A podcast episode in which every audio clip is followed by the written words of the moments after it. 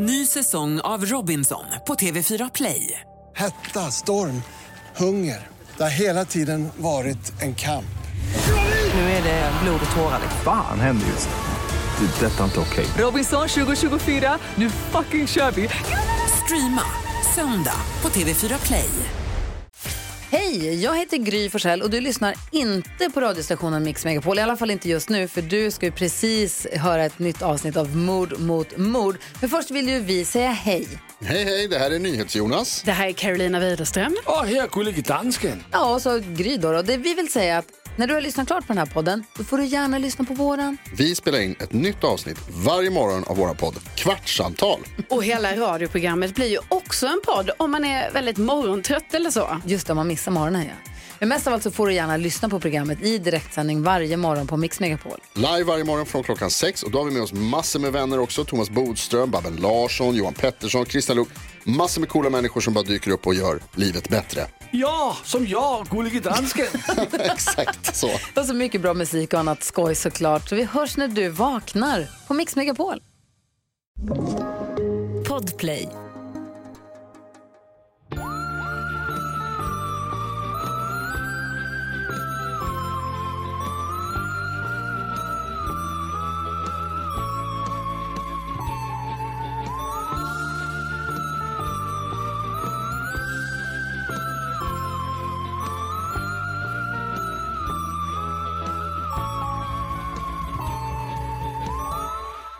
Alltså vet du vad, idag tror jag att vi är så...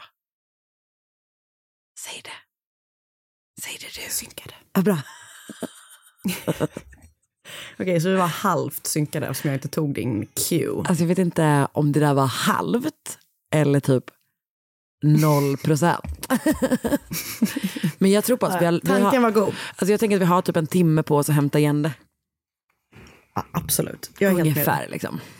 Eh, ja men det här är då uh, Mord mot mord. Um, en true crime podcast som görs av Diana Sandell och av mig Karin Londé. Det stämmer. Och den här veckan är vi tillbaka. som som Vi så många andra borta. veckor. vi är här igen. Det är vi verkligen. Men- Persistent vad? är our middle name. Verkligen. Och en sak som jag tänkte på som var länge sedan vi sa, det är att om man vill så kan man få önska fall av oss och då gör man det på Instagram. Ja, bra. Det var så länge sedan vi sa det.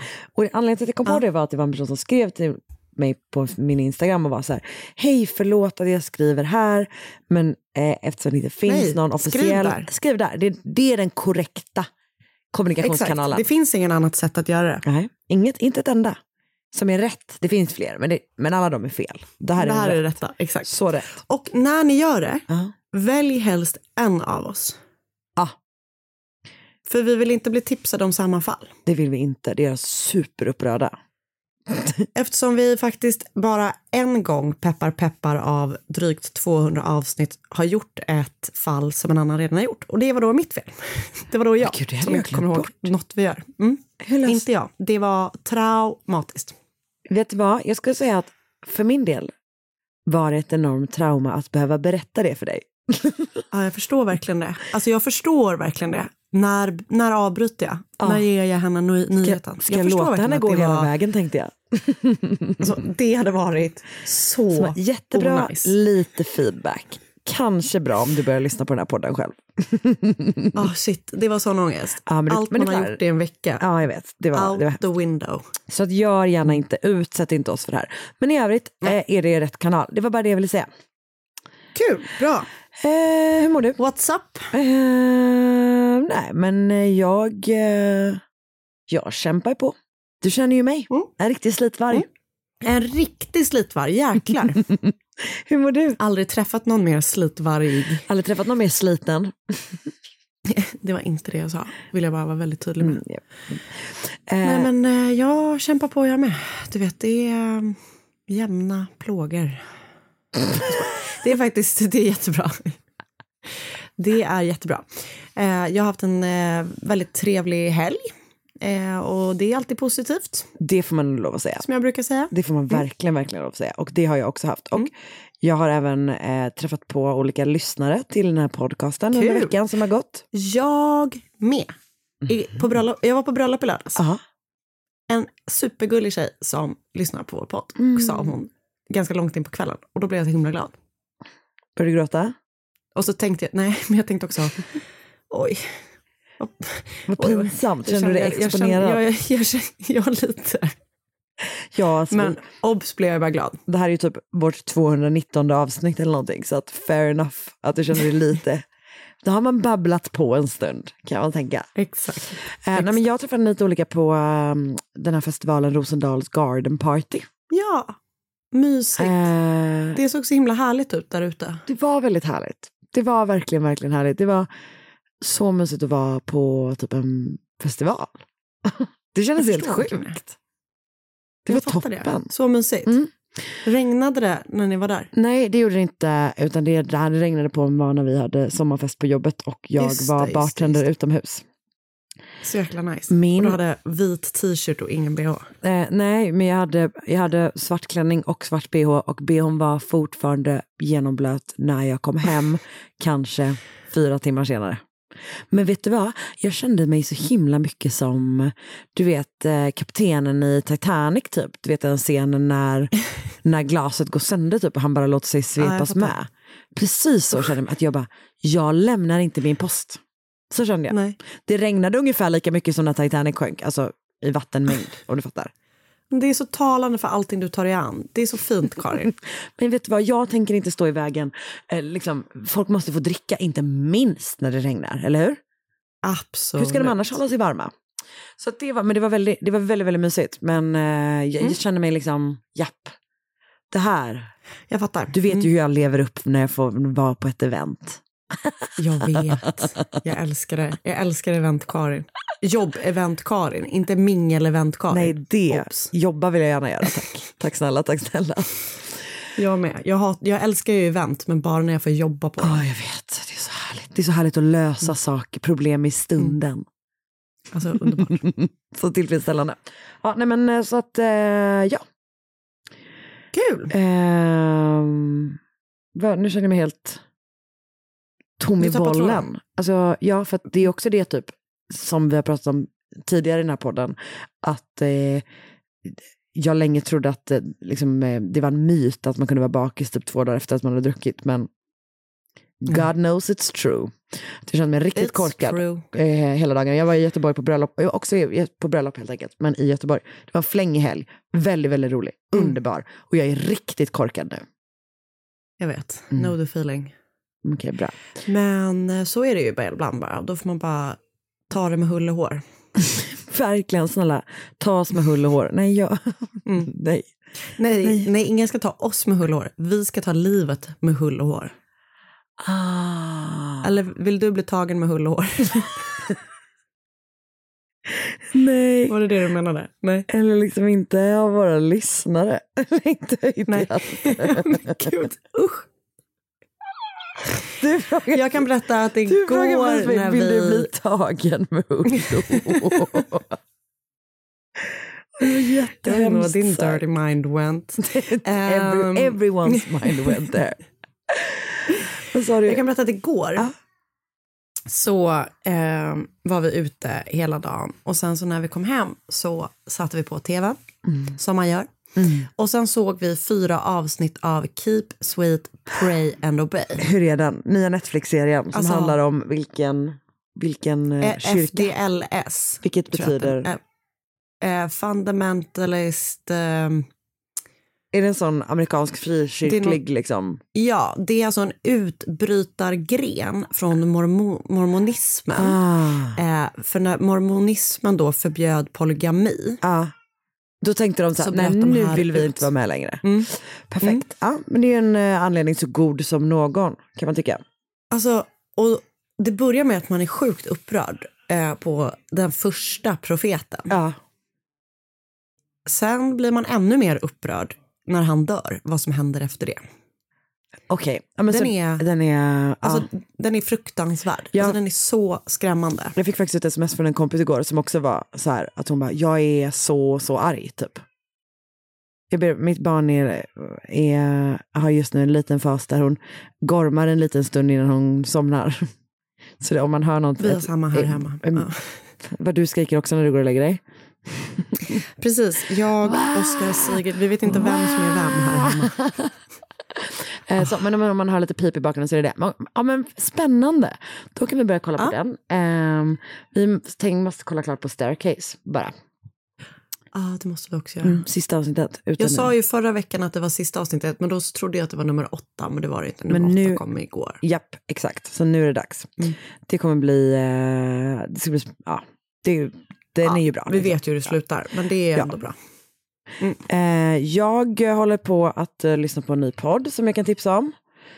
Aha. Eh, en Wondery-podd som heter Persona och som handlar om en fransk scammer som hittar på sätt att scamma folk, företag, företagare på riktigt mycket pengar.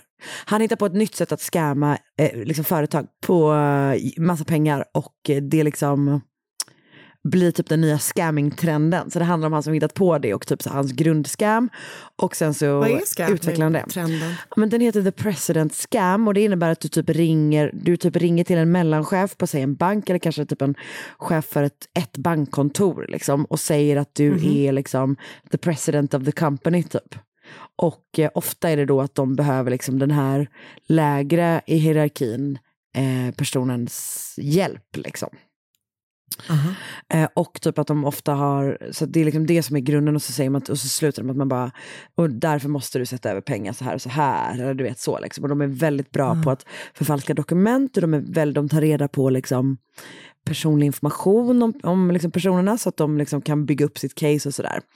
Ehm, och ofta så är det typ att de får dem att tro att så här, ja, men det blir liksom väldigt så filmiska scener de är med i. Att det är typ så här, vi behöver att du, du vet, det är en terrororganisation som använder ditt bankkontor för att eh, liksom, eh, ja, ha sina pengar typ. Så du måste göra den här insatsen. Vi kommer koppla ihop dig nu med vad nu franska versionen av FBI heter. Eh, och där kommer du få prata med en, en du vet, eh, agent som, måste, som bör, de behöver din hjälp. Alltså verkligen så typ. Eh, Och det blir liksom en sån trend som sprider sig till massa andra scammers sen. Och typ att det verkar lite grann som att han typ har lärt andra scammers sin scam. Det är typ. pyramidspel. Ja men lite så typ. Eh, Verkligen. Ehm, så att eh, den är, och sen så eskalerar det kan man säga. Den är väldigt liksom, Kul. välberättad och spännande och eh, väldigt intressant. Så Vad spännande. Bra tips. Ja, persona. Persona. Då Eh, lyssnar vi på det. mm, eller hur? Och, men först kan man väl lyssna på den här podden eller? Det tycker jag. Mm, men du, vi har ju fått en fråga från, eh, eller vi fick en, mm, så här. Vi kommer släppa ny merch. Ja, Vi tog ju fram ett nytt liksom, eh, motiv till eh, livepoddarna som vi blev väldigt, väldigt förtjusta i. Den är lite spöklik, det man häller ut, ett, det är fortfarande med det här liksom, rövensglaset som ju ändå finns med även i loggan. Eh, den är jättefin. Och den, Den kommer vi nu eh, släppa på lite ny merch. Så att eh, om man som vanligt går in på Podstore och klickar sig in hos oss så kommer man, ehm, nu tänker vi, kanske torsdag, vi säger torsdag, så kommer det finnas eh, helt ny, eh, spännande, fin Mord mot mord-merch. och Kul de som ju. var på livepodden kan ju redan ha sett det kan vi ju säga. Ja, så att man inte exakt. blir besviken om man var där. Nej, nej, nej precis. Men precis. jag måste också bara säga att på livepodden i Göteborg blev jag så himla glad för det var en tjej som hade på sig eh, Something stinks about this Gary-tröjan, jag vet. Eh, och den är så fin. Jag blev så glad. Ja. Alltså jag Jag hade älskar liksom den. glömt bort hur fin den var. Ja, jag vet. Jag med. Ehm, så att det finns ytterligare anledning att gå in även om, man, ba, om, om så bara för den, för den är fan toppen. Ehm, men som sagt, lite nya motiv att eh, köpa där. Ehm, ja, Kul. Det tycker jag man verkligen ska spana in till sommaren. Podstore.se snedstreck mord mot mord, eller? Jag tror det. Jag tror också det. Vi säger det. Vi säger. Hej! Ny säsong av Robinson på TV4 Play. Hetta, storm, hunger. Det har hela tiden varit en kamp. Nu är det blod och tårar. Fan händer just nu. Det. är Detta är inte okej. Robinson 2024, nu fucking kör vi! Streama söndag på TV4 Play. Ett poddtips från Podplay. I fallen jag aldrig glömmer djupdyker Hasse Aro i arbetet bakom några av Sveriges mest uppseendeväckande brottsutredningar. Går vi in med hemlig telefonavlyssning och, och då upplever vi att vi får en total förändring av hans beteende. Vad är det som händer nu? Vem är det som läcker? Och så säger han att jag är kriminell, jag har varit kriminell i hela mitt liv men att mörda ett barn, där går min gräns. Nya säsongen av Fallen jag aldrig glömmer på Podplay.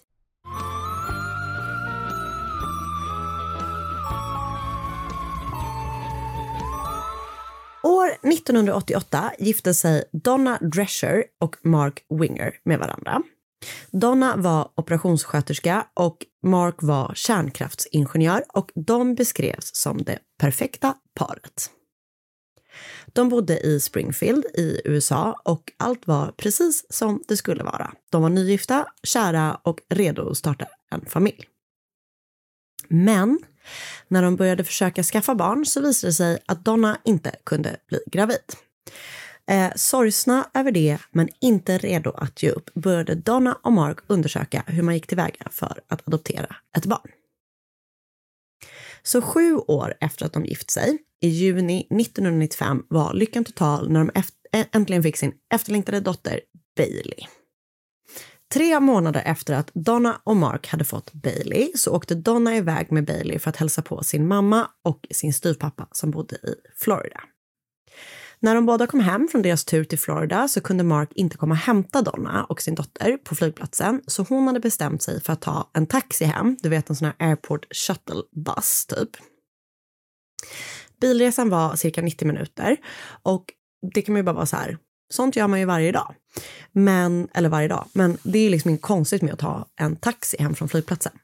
Men när Donna hoppar in i den här airport shuttlen, som är då en sån privat airport shuttle bus, så påbörjas en väldigt konstig biltur. Mannen som körde bilen var en man vid namn Roger Harrington. Så fort Donna hade hoppat in i bilen så började han prata med henne och det var liksom inte sånt vanligt airport shuttle talk som du vet så här, var har du varit, har du haft en bra semester? Utan han var riktigt konstig. Först så, det verkar som att han kanske liksom var lite flörtig mot Donna i början. Men sen så började, liksom, började han prata om att ha orgies hemma hos honom. Mm. Han pratade om droger och sen berättar han för Donna att han har en röst i huvudet, i huvudet som heter Dam och som brukar säga åt honom att göra dåliga saker. På senare tid hade Dam då rösten i huvudet sagt åt Roger att skada andra människor. Uff. Alltså, tänk dig paniken Nej. att sitta med din lilla, lilla bebis oh, med en främling i en bil som jag pratar om sådana saker. Alltså, och du är så jävla utsatt på en jävla motorväg någonstans mm. typ. Åh, oh, fy fan vad hemskt. Så jäkla hemskt. Och han, eh, Rogers kör snabbt. Han kör liksom riktigt snabbt och säger till, liksom, medan han liksom kör en sån riktig liksom, vansinnesfärd så säger han till Donna att en gudaliknande varelse kanske att det här också var Dan, det framgår inte riktigt, brukade ta honom ur hans kropp när han körde och att han brukade flyga ovanför träden. Så hon är ju bara så här äh, skiträdd, liksom. Verkligen, verkligen jätterädd. Men eh, det händer ingenting mer i bilen än att hon blir jätterädd och att han då beter sig väldigt märkligt. Donna kommer hem till Mark. Hon är välbehållen med deras lilla dotter Bailey som också är välbehållen. Men hon är skärrad. Hon är jätterädd och upprörd över vad hon och Bailey har varit med om liksom, på den här resan hem. Så Mark och Donna bestämmer sig för att Mark ska ringa till Airport Shuttle-företaget och berätta vad som har hänt, alltså liksom file a complaint. Klagomålet från Donna och Mark, som är då inringt av Mark, leder till att Roger Harrington blev av med sitt jobb. En ungefärlig vecka efter att den här bilresan har skett så var Donna, Mark och Bailey hemma i sitt hus. Mark var nere i källaren och tränade och Donna och Bailey var en trappa upp. Så när Mark är där nere då i källaren och tränar så hör han plötsligt hur det dunkar. Han har dunkande ljud från ovanvåningen. Så han är bara så här, vad är det som händer egentligen? Så han går upp för trappan och går först för att titta till Bailey som låg och sov i föräldrarnas, alltså i Mark och Donnas sovrum. Men sen hör han något konstigt från matsalen. Så han är orolig. Han går och tar sin pistol som han hade någonstans i hemmet och sen så går han då mot matsalen för att se vad som lät så konstigt. När han kom ut mot matsalen så ser han att någon står lutad över Donna och slår henne med en hammare. Så som liksom total instinktiv reaktion tar han upp sin pistol och skjuter personen som attackerar hans fru. Sen ringer han direkt till polisen som kommer till platsen med annan räddningspersonal. Och när de kommer in till huset så är Mark eh, i hans och Donnas sovrum och tröstar Bailey.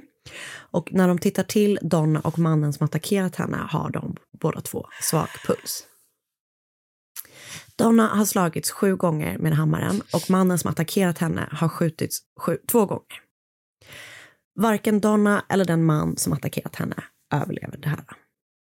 Det visar sig då såklart att mannen som attackerat Donna är ingen mindre än Roger Harrington. Den här mannen som körde henne hem från Mm. flygplatsen en vecka tidigare. Så det är liksom ganska mycket case closed. Roger Harrington har åkt hem till familjen Donna och Mark Winger och mördat Donna. Ah. Efter då, eller du vet, så här, teorin är då, för att när Mark har ringt in det här klagomålet då på bilresan så har eh, Roger Harrington blivit uppsagd. Så teorin är helt enkelt att han åkt tillbaka till deras hus där han då har släppt Donna, precis som du var inne på, en vecka tidigare. Han vet var de bor och hämnas då på att han har blivit uppsagd på grund av deras klagomål. Donnas familj, deras vänner och hela samhället eh, stöttar Mark i den här otroligt sorgliga situationen han hamnar i.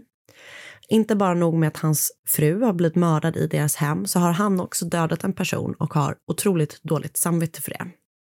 Så alla du vet så här, sluter upp bakom honom och bara men det var självförsvar, du försökte rädda din fru. Mm. Och du vet, han blir heller inte dragen inför rätta för mordet på, eller Vad sjukt, Roger eller? Harringtons dödsfall. Mm. Men jag vet inte exakt, jag, jag, jag har inte alla detaljer kring Nej. det, men liksom det är väl då att det är självförsvar så att de är bara så, ja men vi avskriver det typ. Eller vad de nu sa. Ja. Men Roger då, Roger Harringtons familj, de är inte säkra på att det är det här som har hänt. De kan helt enkelt inte tro att deras bror, son, kusin, du vet och så vidare har gjort det här. Nej. Och de var faktiskt inte helt ensamma om att inte tro att Harrington mördade Donna. Detektiv Doug Williamson var inte heller helt övertygad. Han pekade på det faktum att det inte fanns några tecken på att Harrington hade brutit sig in eller tagit sig in liksom på något konstigt sätt i Ah. huset, utan allt pekade på att någon hade släppt in honom i huset med fri vilja. Och det tyckte då Doug Williamson inte var särskilt troligt. Att, han, att Donna då skulle frivilligt släppt in Harrington när Mark var nere i, i källaren och tränade. Liksom. För hon hade ju blivit jätterädd för honom Japp. tidigare. En vecka tidigare. Utöver det så hade även Harringtons bil stått parkerad utanför Donna, ehm, Donna och Marks hus. I bilen så låg det en lapp där det står Marks namn och det står adressen hem till Donna och Mark och det står ett klockslag, alltså 4.30 står det, vilket då är 16.30. Mm. Det tyckte Doug Williamson var intressant eftersom Mark hävdade att han aldrig hade haft någon liksom, direktkontakt med Harrington, alltså Roger Harrington. Så han borde ju liksom rent krasst inte ha vetat om Marks namn. Nej, just det, såklart. Så eh, Doug Williamson säger till sin partner Charlie Cox och till sina chefer att han vill fortsätta utreda. Men de säger nej. Det här är klart. Det är case closed. Men efter ett tag så tycker även Charlie Cox, då, Doug Williamsons partner, att det är något som känns lite skumt.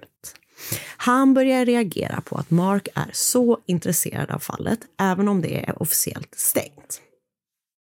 Han reagerar på att han kommer in titt som tätt på polisstationen och frågar om de vet något mer om fallet. Eller om du vet, har det hänt någonting? Har det varit någon utveckling i fallet? Sådär. Okej. Vilket han är bara så här, varför skulle vi ha någon utveckling i fallet som vi inte utreder mer? Så han börjar också vara så här, är Mark ute och fiskar i att vi liksom jobbar vidare på det här och varför är han i så fall det? Så Charlie Cox går till Doug Williamson och säger, fan du kanske har rätt att de liksom, att det är något mer to this. Så tillsammans går de till sina chefer igen och försöker ta upp fallet. Men de fortsätter att säga tvär nej. Och de säger tvär nej i flera, flera år. Och från det att Donna har blivit mördad och år, liksom under de kommande bara året typ, så träffar Mark en ny kvinna som heter Rebecca. Rebecca var 23 år gammal när de träffades och hon letade efter ett nannyjobb när hon och Mark träffades. Ah, och han behövde hjälp med Men de blev då Bailey. Exakt. Men de blir då kära och gifter sig och eh, Mark och Donna, eller ehm, förlåt, hon adopterar Mark och Donnas dotter då, Bailey. Och de fick också två gemensamma barn. Men fyra år efter mordet på Donna så händer något som får polisen att öppna upp fallet igen. För efter fyra år kontaktar Donnas bästa kompis Deanne Schultz polisen och säger att hon har något att berätta. Hon berättar att hon och Mark har haft en affär som inleddes månader innan Donna mördades. Hon berättar att Mark verkligen ville lämna Donna och han hade sagt till henne vid något tillfälle att han så gärna ville komma bort från relationen med Donna att han till och med skulle vara villig att tänka sig att döda henne. perfekt. Han hade, ja han hade också sagt efter att Donna rest med Harrington att han bara behövde få tillbaka till Harrington till huset och att det sen bara skulle hit, behöva hitta kroppen inom citationstecken. När polisen då frågar eh, Mark om det Diane har sagt så säger han att ja, okej, jag hade en affär med henne, men jag har aldrig sagt att jag skulle vilja döda Donna. Men det är ändå tillräckligt mycket för att liksom, cheferna till Doug Williamson och Charlie Cox ska godkänna att de öppnar upp utredningen igen. Och då finns det då flera saker som de tycker är konstiga. Dels då det här med att det inte finns några tecken på att han har brutit sig in. De reagerar också på att han haft med sig en kaffekopp och sina cigg in i huset. För de var så här, de var så här, om han har planerat att mörda henne, varför tar han med sig liksom sociala saker in? Så att säga. Eh, och de undrar också varför han har använt Marks egna hammare som fanns i huset när Roger Harrington själv då hade både ett däckjärn och en kniv i sin bil. Sen tittar de då på bilder som har tagits på brottsplatsen. Och bilderna visar, eller kan inte stärka, styrka det eh, förloppet som Mark har beskrivit. Så att liksom det, det som han har sagt stämmer inte. För typ Donna ligger på ett annat sätt än vad, de har, än vad han har liksom berättat och även Roger Harrington. Så det är bara så här, det stämmer inte. Ehm, så till slut tycker då polisen att de har tillräckligt mycket på fötterna för att gripa Mark och den 23 augusti 2001 så åtalas Mark för morden på Donna och Roger. I rättegången vittnade Diane mot Mark mot utbyte att hon själv skulle då bli beviljad immunitet i och med då att hon ändå hade ja, in, inte varit medhjälp direkt. Men, Ja. så heter det, tack. Eh, och jag, så, så jag antar att han, alltså jag, man vet inte riktigt vad han har för hållning till allting. Och jag vet inte vad de har liksom för konkreta bevis, förutom hennes vittnesmål och de här liksom indikationerna. Men han döms i alla fall till livstid i fängelse utan chans till frigivning. Oj! Mm. Så det finns Det ju saker. Ja, det, det är det faktiskt. Det får man ändå säga. Sen fyra år efter att han har liksom dömts för mordet på Donna och Roger så hände någonting mer. För då, skulle han få, då fick han ytterligare 35 år tillagda till sin livstidsdom. För det visade sig att Mark hade anlitat en hitman som skulle mörda Diane som straff för att hon hade vittnat mot honom och fått honom att åka in på livstid. Alltså, så sjukt. Det visar sig också att han har försökt lägga ut jobbet att mörda då, anlita en hitman, eh, sin kompis efter att kompisen inte hade velat betala hans borgen, borgen när han då åkte in i fängelse. Okej, så han vill nu bara, han vill bara ge sig Mörda. efter alla. Alla. Ja, mm. Det är så sjukt. Oh, Gud. Men han sitter då i alla fall inne i fängelse på livstid för Ah. mordet på Roger och Donna och då eh, försök till anstiftan på mord på Diane Schultz. Och efter att Mark dömts till fängelse så flyttade hans fru Rebecca med deras barn då från Springfield där hon bott tillsammans med Mark. Hon ville gärna att Bailey skulle ha, få ha kontakt med sin biologiska mormor och morfar och Donnas andra familj. Mm. Något som Mark hade motsatt sig starkt ef- efter Donnas död och innan han åkte in i fängelse. Roger Harrington, som då alla trott var en mördare, blev efter domen mot Mark rentvådd. Något som betydde otroligt mycket för hans familj, eh, även om det är en föga tröst när ens eh, liksom, son, bror, kusin har använts eh, som en bricka i ett sånt här fruktansvärt mordspel. Det Så det var... Ja, jag vet, det är så jäkla hemskt. Alltså det är så hemskt. Att han liksom bara så här, typ hon råkade stöta på en liksom uppenbart sjuk människa som han sen använde, alltså till liksom sån extrem... Nej, Äh, det är för mörkt. Jag vet. det är sån jävla, alltså alla som typ tycker att man ska lösa sina problem genom att mörda någon är ju, har ju uppenbarligen ingen respekt för människoliv. Men typ det blir Nej. liksom extra tydligt så här liksom. Jag vet. Ja. Oh. Nej, det är så sorgligt. Åh, jag vet. Mörkt. Ja, Väldigt mörkt. Väldigt mörkt. Men, Så jag har läst... Ja, vad skulle du säga? Förlåt. men ändå att de liksom till slut ändå fick honom inför rätta. Typ. Ah, kul. Mm. Får säg Jag vad du vet. har läst. Eh, the Twisted Case of Mark Winger, the man who almost got away with murdering his wife på All That's Interesting, skriven av Aaron Kelly. Murderpedia. Jag har sett Dateline, Invitation to a Murder, Families Torn Apart. Ja, in, så stopp. Invitation to a Murder. Punkt. Jag har läst Families Torn Apart by Killer Dad Reflect on the years they believed he was a hero på ABC News, skriven av Alice Young, Ali Young, Denise Martinez Romundo och Jason Hedrich och La- Lara eh, Dimon. Och så har jag lyssnat på Murder with my husband och avsnittet heter Donna Winger och Roger, Roger Harrington, The Web of Lies. Ja, Det där var så jävla sorgligt. jag vet. Det är hemskt faktiskt. Det är fruktansvärt. Tack snälla du. Ny säsong av Robinson på TV4 Play. Hetta, storm, hunger. Det har hela tiden varit en kamp. Nu är det blod och tårar. Fan händer just nu. Det. är Detta är inte okej. Robinson 2024, nu fucking kör vi! Streama söndag på TV4 Play. Poddtips från Podplay. I podden Något Kaiko garanterar östgötarna Brutti och jag, Davva, dig en stor dos skratt. Där följer jag pladask för köttätandet igen. Man är lite som en jävla vampyr. Man har fått lite blodsmak och då måste man ha mer. Udda spaningar, fängslande anekdoter och en och annan arg rant. Jag måste ha mitt kaffe på morgonen för annars är jag ingen trevlig människa. Då är du ingen trevlig människa, punkt. Något Kaiko, hör du på Podplay. Därför är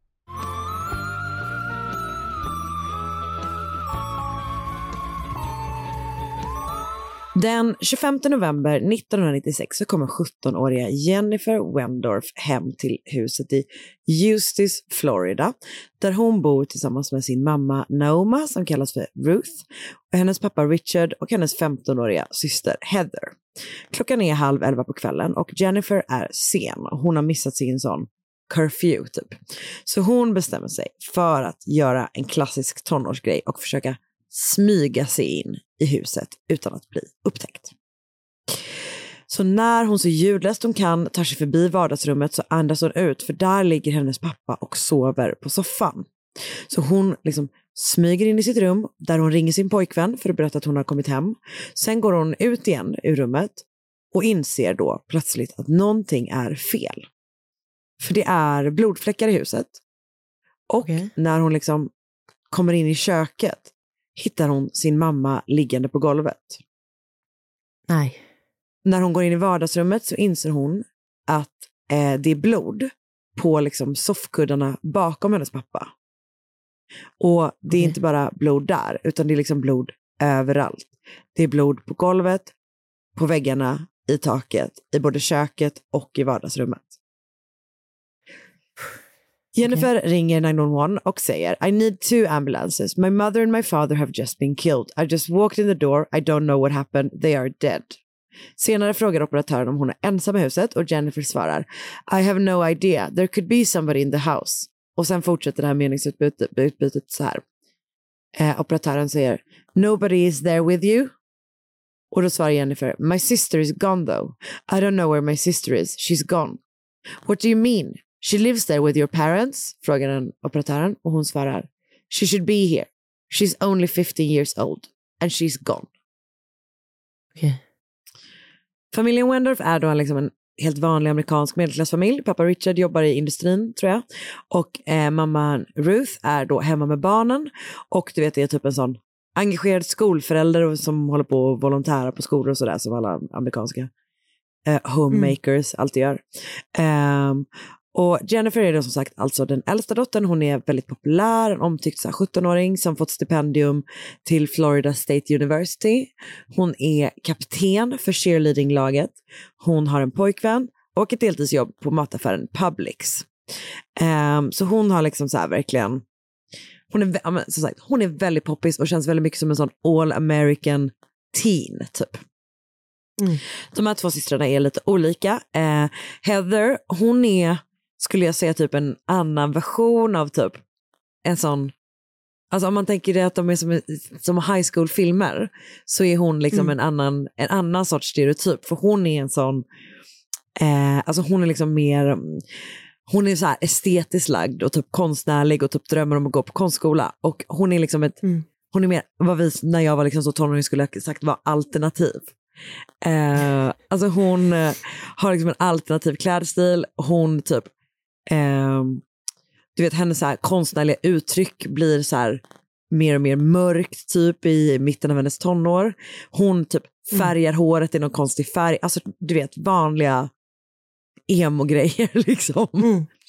Ehm, men och jag tror att det, amerikanska samhället känns lite så här i allmänhet, men framförallt när det händer någonting hemskt och sådär, så börjar ju folk vara så bara, she dyed her hair, att det är så himla himla Ja.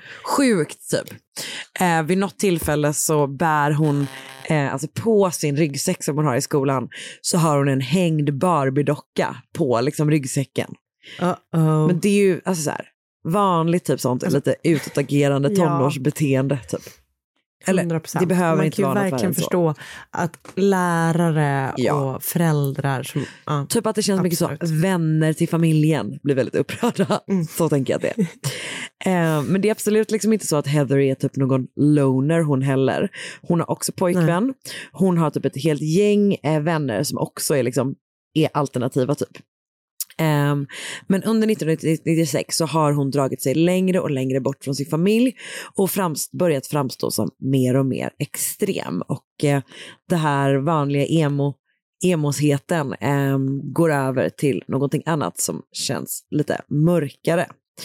Hon har då också skaffat märkligare kompisar och framförallt så hänger hon, har hon väldigt mycket kontakt med en killkompis som heter Roderick Justin Farrell, kallad Rod. Och eh, hennes föräldrar tycker inte om honom. Lite om Rod då. Han var inte från Florida utan han föddes i Murray, Kentucky. Han var ett par år äldre än Heather och hade haft en väldigt tuff uppväxt. Hans mamma Sondra och hans pappa Rick var väldigt unga när de fick honom. Sondra var bara 17 år gammal och Rick hade problem med både droger och alkohol. Så nio dagar efter Rods födelse, i mars 1980, så gifte de sig. Men de skiljer sig bara veckor senare. Och efter det så liksom lämnar eh, Rick familjen.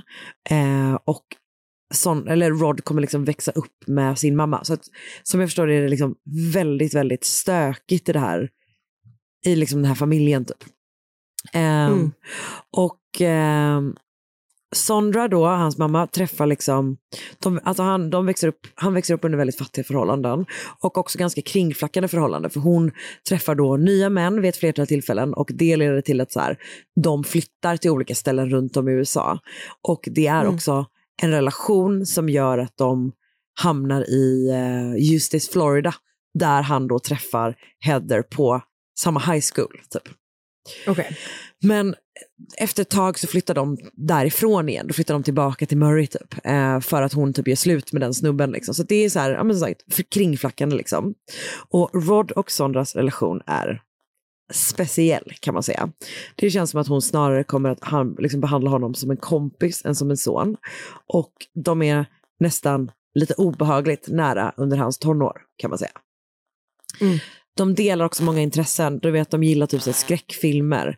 Eh, och typ så här, hon introducerar honom till rollspel, vilket de ju alltid blåser upp i olika serier med. Att man håller på med rollspel, vilket jag alltid tycker är kul. Det är mina- det sjukaste.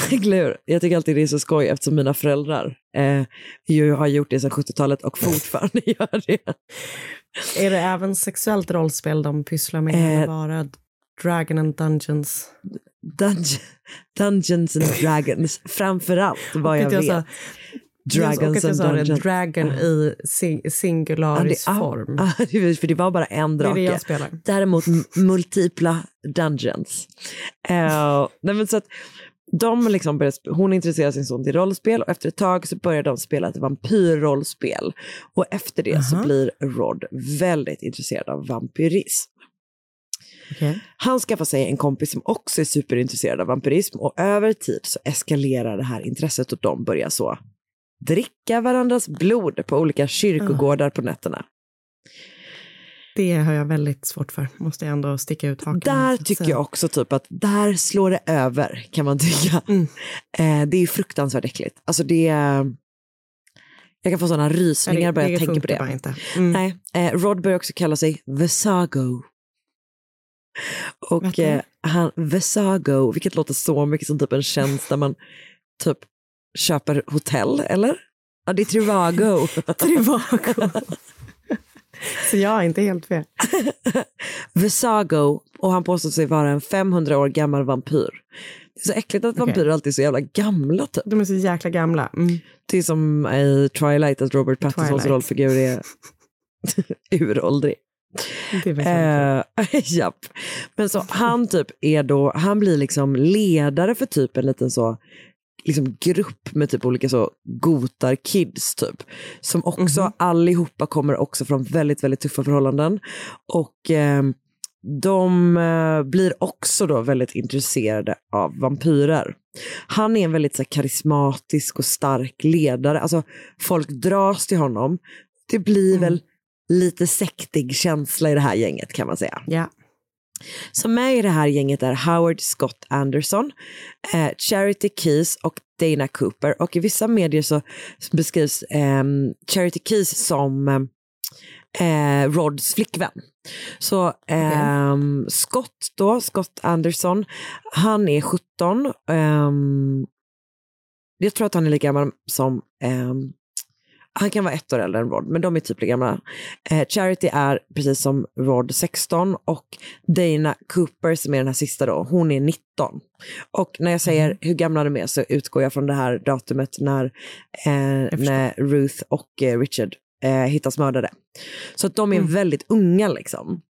Och tillsammans då så eskalerar de liksom sitt vampyrliv under ledning av Rod och han är alltid värst liksom. Det här är då som sagt ett gäng, ett gäng liksom kids som kommer från väldigt tuffa förhållanden som typ inte kanske har föräldrar som håller jättebra koll på dem. Ehm, de, det, det finns liksom en del källor som säger att Rod typ även börjar experimentera med droger och sådär. Ehm, men de här, det här gänget skär sig då i armarna och liksom dricker av varandras blod. Och eftersom, eftersom tiden går så blir Rod liksom bara värre och värre och värre. Och du vet, han börjar prata om att han vill, dö, vill döda och han börjar också göra vidriga saker mot djur. Som sagt då så bor Rod under en period i Eustis och går på high school där och det är då där han då träffar Heather Wendorf och de har fortsatt att ha kontakt på telefon och brev efter att han och Sondra har flyttat tillbaka till Murray efter att den här relationen som hon hade tog slut då. Och Heathers föräldrar är väl inte jätteglada för deras liksom svindyra telefonräkningar eh, när hon typ ringer långdistanssamtal till en snubbe som de absolut inte vill att hon ska ha kontakt med. Typ. Men vad de inte vet är att Heather i sina samtal berättar för Rod att hon har ett helvete hemma. Hon säger att hennes pappa förgriper sig på henne och att hennes mamma inte gör något för att hjälpa henne. Och huruvida det är sant, det vet man liksom fortfarande inte. Eh, men det är vad hon säger till honom i alla fall. Och han är inte den enda i hennes liv som hon berättar det för. Typ. Utan det finns andra vittnen som har fått höra samma saker. Liksom. Och eh, en del av det här, men inte så mycket tror jag om de här liksom, eventuella övergreppen, men eh, de här liksom, situationen med de här kompisarna som hon har haft och att hon har dragit sig undan familjen allt mer och sådär. Det får liksom Mm. polisen reda på dagarna efter mordet på Ruth och Richard och de börjar då misstänka att det här Kentucky-gänget kan ha något med morden och med Heathers försvinnande att göra.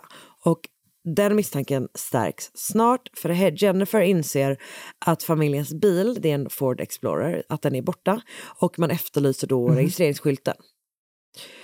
Och det tar typ inte så lång tid innan man får en match, men när man liksom åker för att undersöka den bilen så visar det sig att det är inte en Ford Explorer utan det är en Buick. Och den Buicken, man hittar liksom något annat sätt att här, koppla den, ja, ta reda på vad, vem den är skriven på. Och den är då eh, registrerad i Kentucky. Så man misstänker då helt enkelt Okej. att de har bytt registreringsskylt med den bilen som de har kört ner till Florida från Kentucky. Mhm. Men de har då ingen aning om var det här gänget befinner sig. Men fyra dagar efter morden så har de tur. För då ringer Charity Keys mormor till polisen och berättar att Charity har ringt henne från Baton Rouge i Louisiana. Och då är det så att den här gruppen har s- fått slut på pengar. Och hon, så hon har helt enkelt liksom bett sin mormor att eh, skicka mer pengar. Och då har hon varit så absolut jag löser det, eh, jag, kan, jag ringer tillbaka till den här och så har hon fått numret till den telefonkiosken hon ringer från. Men istället då ringer hon polisen. Liksom. Så polisen ber henne att ringa tillbaka till telefonkiosken och stämma träff med Charity på ett hotell i närheten i Baton Rouge. Och när gänget dyker upp på det hotellet så träffar de istället på polisen. Alla i gruppen berättar snart vad som har hänt, även om Rod Farrells historia kommer att typ skilja sig åt från ett erkännande till ett annat. Så här, det varierar lite grann. Det visar sig då att det här gänget ska, det de vill är att åka till New Orleans. New Orleans, konstig, konstig betoning. New Orleans. Eh, dit ska de. Och de har då kört ner till Florida för att hämta upp Heather så att hon kan följa med. Men de behövde en bil, som jag förstått det så är den här Buicken de har kört ner liksom skruttig typ, så de behöver, de behöver byta ut den. Och eh, då kommer Heather på att de ska eh, ta hennes föräldrars Explorer. Så medan Dana och Charity skjutsar Heather till sin pojkvän i Buicken så att hon kan säga hej då innan de reser iväg så beger sig Rod Farrell och Howard Scott Anderson till familjen Wendorfs hem. Där går de då in genom garaget, men istället för att bara stjäla bilen så bestämmer Rod att de ska gå in i själva huset. Och han tar då med sig en kofot.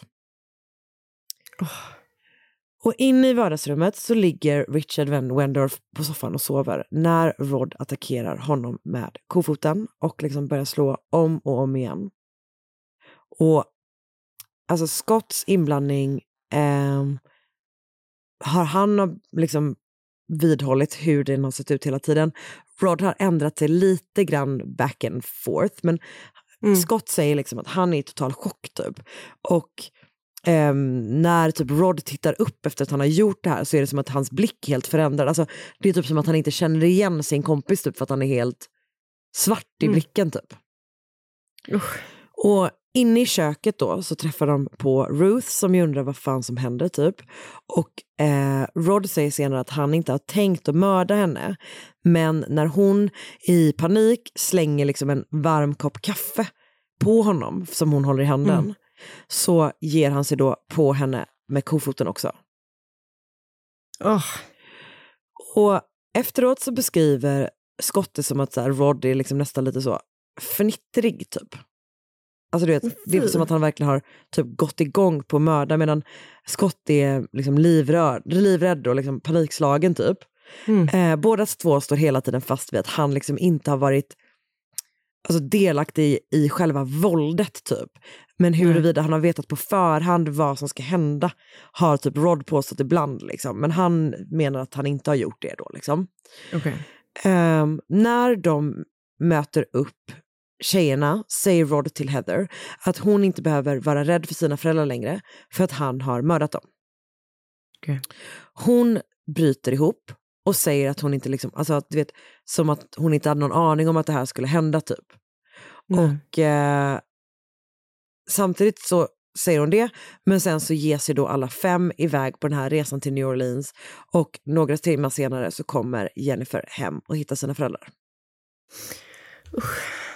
Rod menar då att han har mördat Ruthie och Richard för att Heather uttryckt då att de skulle vara fruktansvärda mot henne.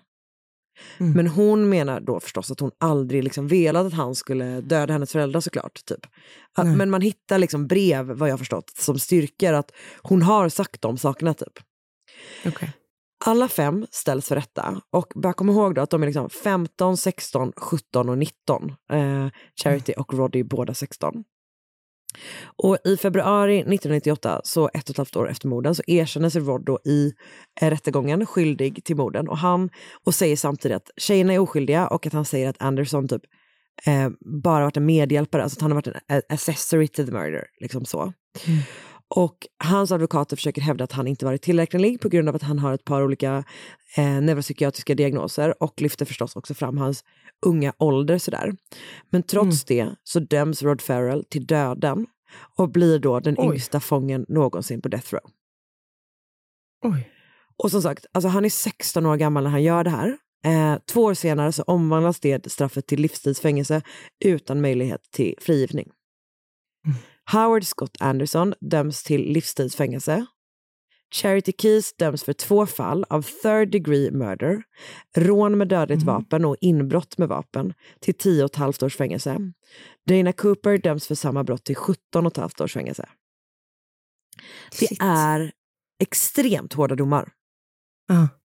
För att så här, alltså Charity och Dana, de har ju inte varit där liksom. Nej. Och det här third degree murder finns Ja, bara, det? det finns bara typ i så tre stycken stater, då bland annat Florida typ. Och Mhm. beskrivningen av det är the unlawful killing of a human being when perpetrated without any design to effect death by a person engaged in the perpetration of or in the attempt to perpetrate any felony, felony other than 19 enumer- enumerated categories of felonies. Så det är så här, det är liksom, jag, jag läser det som att det är ganska mycket som ett second degree murder typ. Ja.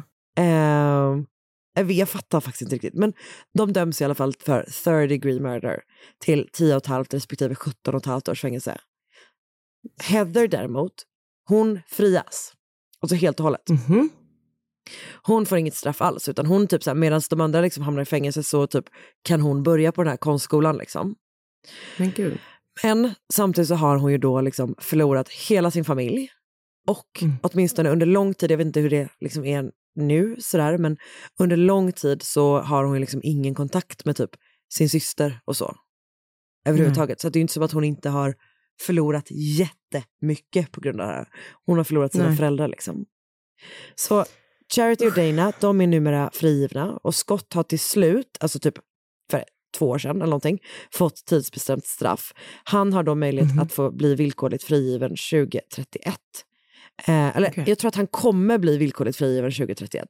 För att han fick tidsbestämt i typ 40 år och han hade suttit av 22 år redan. Typ.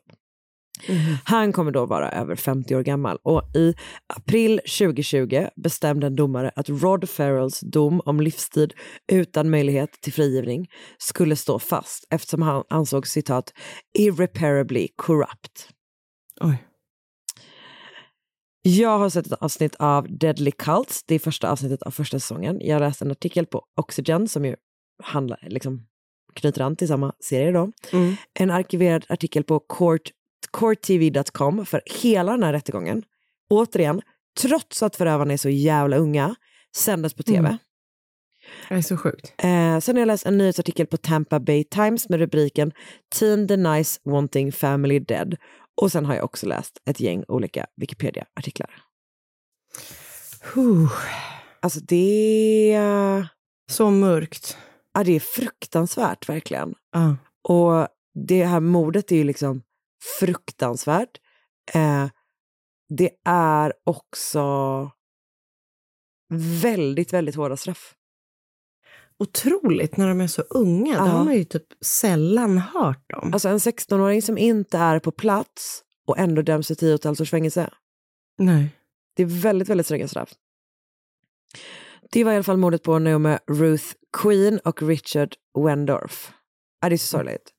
och typ att så här, eh, Jennifer, alltså, för hon förlorar ju liksom, alltså den äldre systern, hon förlorade ju, Mm, du vet båda sina föräldrar var med om det här traumat att hitta dem och sen Mm. hela den här kopplingen till hennes syster och hon liksom beskriver alltså. det. Hon ehm, för, liksom talade på Rod Ferrells eh, parole hearing typ, eller när man skulle Mm.